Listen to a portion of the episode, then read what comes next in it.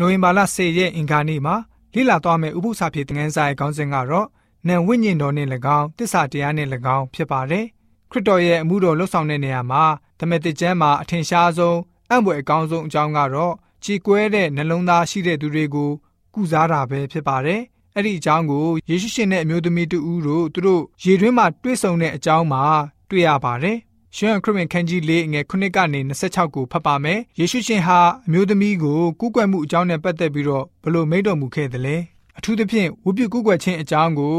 သူတို့နှစ်ဦးဟာဘယ်လိုမျိုးစတင်ဆွေးနွေးဖြစ်တယ်လဲဆိုတာကိုကြည့်ကြပါစို့။ရှမာရိမိမတယောက်သည်ရေခက်ချင်းကလာ၍ယေရှုက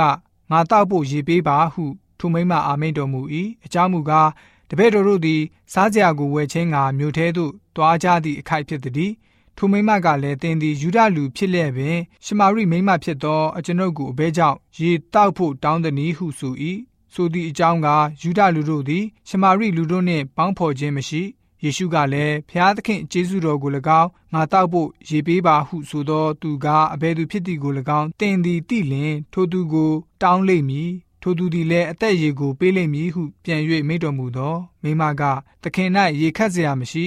ရေတွင်လည်း နက်သည်ဖြစ်၍အသက်ရည်ကိုအဘယ်သို့ရပါမည်နည်းဤရေတွင်းကိုငါတို့အဘယာကုပ်သည်ငါတို့အားပေး၏သူကိုယ်တိုင်မှဆ၍သားသမီးတရိษံများတို့သည်ဤတွင်းရေကိုတောက်ကြပြီသခင်သည်ထိုသူထက်ကြီးမြတ်သလောဟုဆို၏ယေရှုကလည်းဤရေကိုတောက်တော်သူသည်နောက်တဖန်ရင်ငက်အောင်မည်ငါပေးသောရေကိုတောက်တော်သူမူကားရင်ငက်ချင်းနှင့်အစင်မပြတ်ကင်းလွတ်လိမ့်မည်ငါပေးသောရေသည်ထိုသူ၌ထာဝရအသက်ရှင်ခြင်းအလို့ငါ ထွက်တော်ဆန်းရည်ဖြစ်လိမ့်မည်ဟုမိန့်တော်မူ၏မိမကလည်းသခင်အကျွန်ုပ်သည်ရေငတ်ခြင်းနှင့်၎င်းဒီကိုလာ၍ရေခက်ခြင်းနှင့်၎င်းကင်းလွတ်မိအကြောင်းထိုရေကိုပေးပါဟု တောင်းလင်ယေရှုကတွားလော့တင်ဤလင်ကိုခေါ်၍ဒီကိုလာအောင်တော်ဟုမိန့်တော်မူ၏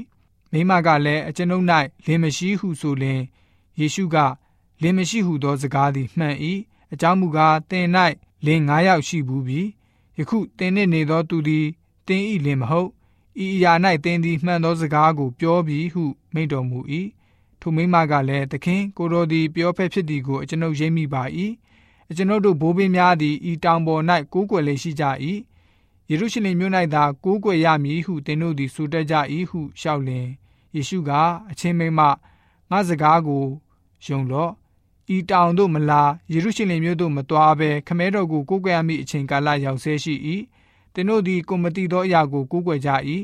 ငါတို့သည်ကိုတိသောအရာကိုကိုးကွယ်ကြ၏အကြောင်းမူကားယူဒလူတို့၌ကဲ့တင်ခြင်းအကြောင်းရှိ၏ကိုးကွယ်သောသူမှန်သမျှတို့သည် ခမဲတော်ကိုနံဝိညာဉ်နှင့်၎င်းတစ္ဆာတရားနှင့်၎င်းကိုးကွယ်ရမည့်အချိန်ကာလသည်လာ၍ယခုပင်ရောက်လျက်ရှိ၏အကြောင်းမူကားထိုသို့ကိုးကွယ်သောသူတို့ကိုခမဲတော်သည်အလိုရှိတော်မူ၏ဖျားသခင်သည်နံဝိညာဉ်ဖြစ်တော်မူ၏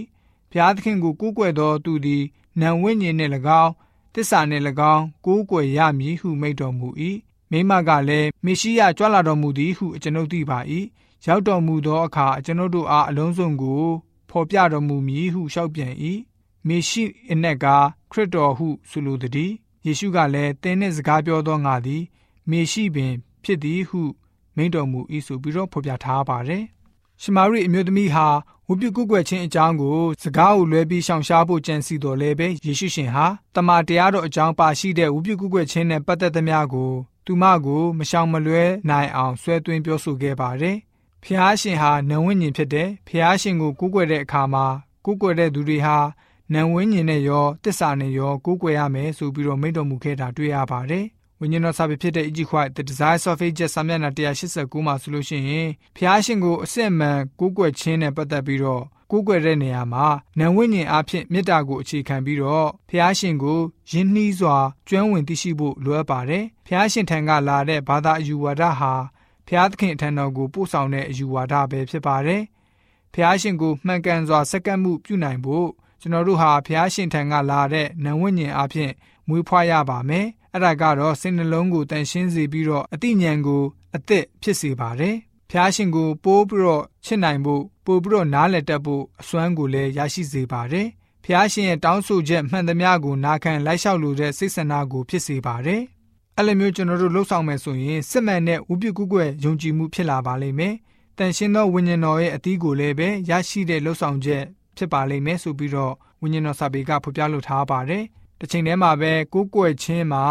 တစ္ဆာရှိရပါမယ်။ဖျားရှင်စီမှာရှိတဲ့စိတ်ဘောထားမျိုးအတိညာဉ်မျိုးကျွန်တော်တို့ရဲ့အထဲမှာရှိကြရပါမယ်။ဖျားရှင်ဟာဘယ်သူဖြစ်ပြီးတော့ဖျားရှင်တောင်းဆိုတဲ့အရာဟာဘယ်အရာဖြစ်တယ်ဆိုတာကိုစမ်းစစ်ရပါမယ်။တနည်းပြောရမယ်ဆိုရင်တော့တွင်တင်ချက်တွေမှာကျွန်တော်တို့သင်ယူထားရပါမယ်။ဥပမာကျွန်တော်တို့ကိုးကွယ်တဲ့ထာဝရဘုရားဟာလူသားတွေကိုငရေမီးအိုင်တွင်းကိုထာဝရလောင်ကျွမ်းစေတဲ့ဘုရားမဟုတ်တဲ့အကြောင်းတွင်တင်ချက်မျိုးဖြစ်ပါတယ်။ ဒါကြောင့်ကျွန်တော်တို့ဝုပြုကိုးကွယ်တဲ့နေရာမှာအချက်နှစ်ချက်ပါဝင်ပါတယ်။ဖျားရှင်ရဲ့အလိုတော်ကိုသိရှိပြီးတော့နာခံလိုက်လျှောက်တဲ့အတွေ့အကြုံနဲ့ကျွန်တော်တို့ရဲ့အမှုအကျင့်တွေမှာဖျားရှင်ရဲ့တစ္ဆာရှိတဲ့သားသမီးတွေဖြစ်ကြောင်းပေါ်လွင်ခြင်းပဲဖြစ်ပါတယ်။ တစ္ဆာမရှိတဲ့တစ္ဆာမထားတဲ့စေတဘောတွေဟာအပေါ်ယံကြောသာတစ္ဆာထားပြပြီးတော့ပြောင်းလဲလွယ်တဲ့ခံစားမှုကိုဖြစ်စေပါတယ်။နှိုင်းရှင်ရမယ်ဆိုရင်တော့တစ္ဆာမရှိတဲ့သဘောတရားဟာတက်မဲ့ရုပ်ဝတ္ထုတစ်ခုအဖြစ်ရောက်ရှိသွားပါတယ်။ဒါကြောင့်ကျွန်တော်တို့ဟာဖျားစကားကိုနာခံရပါမယ်။ဖျားရှင်ကိုကျွန်တော်တို့ယုံကြည်သူများအနေနဲ့နံဝိညာဉ်နဲ့ရောတစ္ဆာနဲ့ရောဝုပြုကူးကွယ်ရပါမယ်ဆိုပြီးတော့အင်္ဂါနဲ့ဥပု္ပ္ပစာဖြစ်တဲ့ငန်းစာကဖော်ပြထားပါတယ်။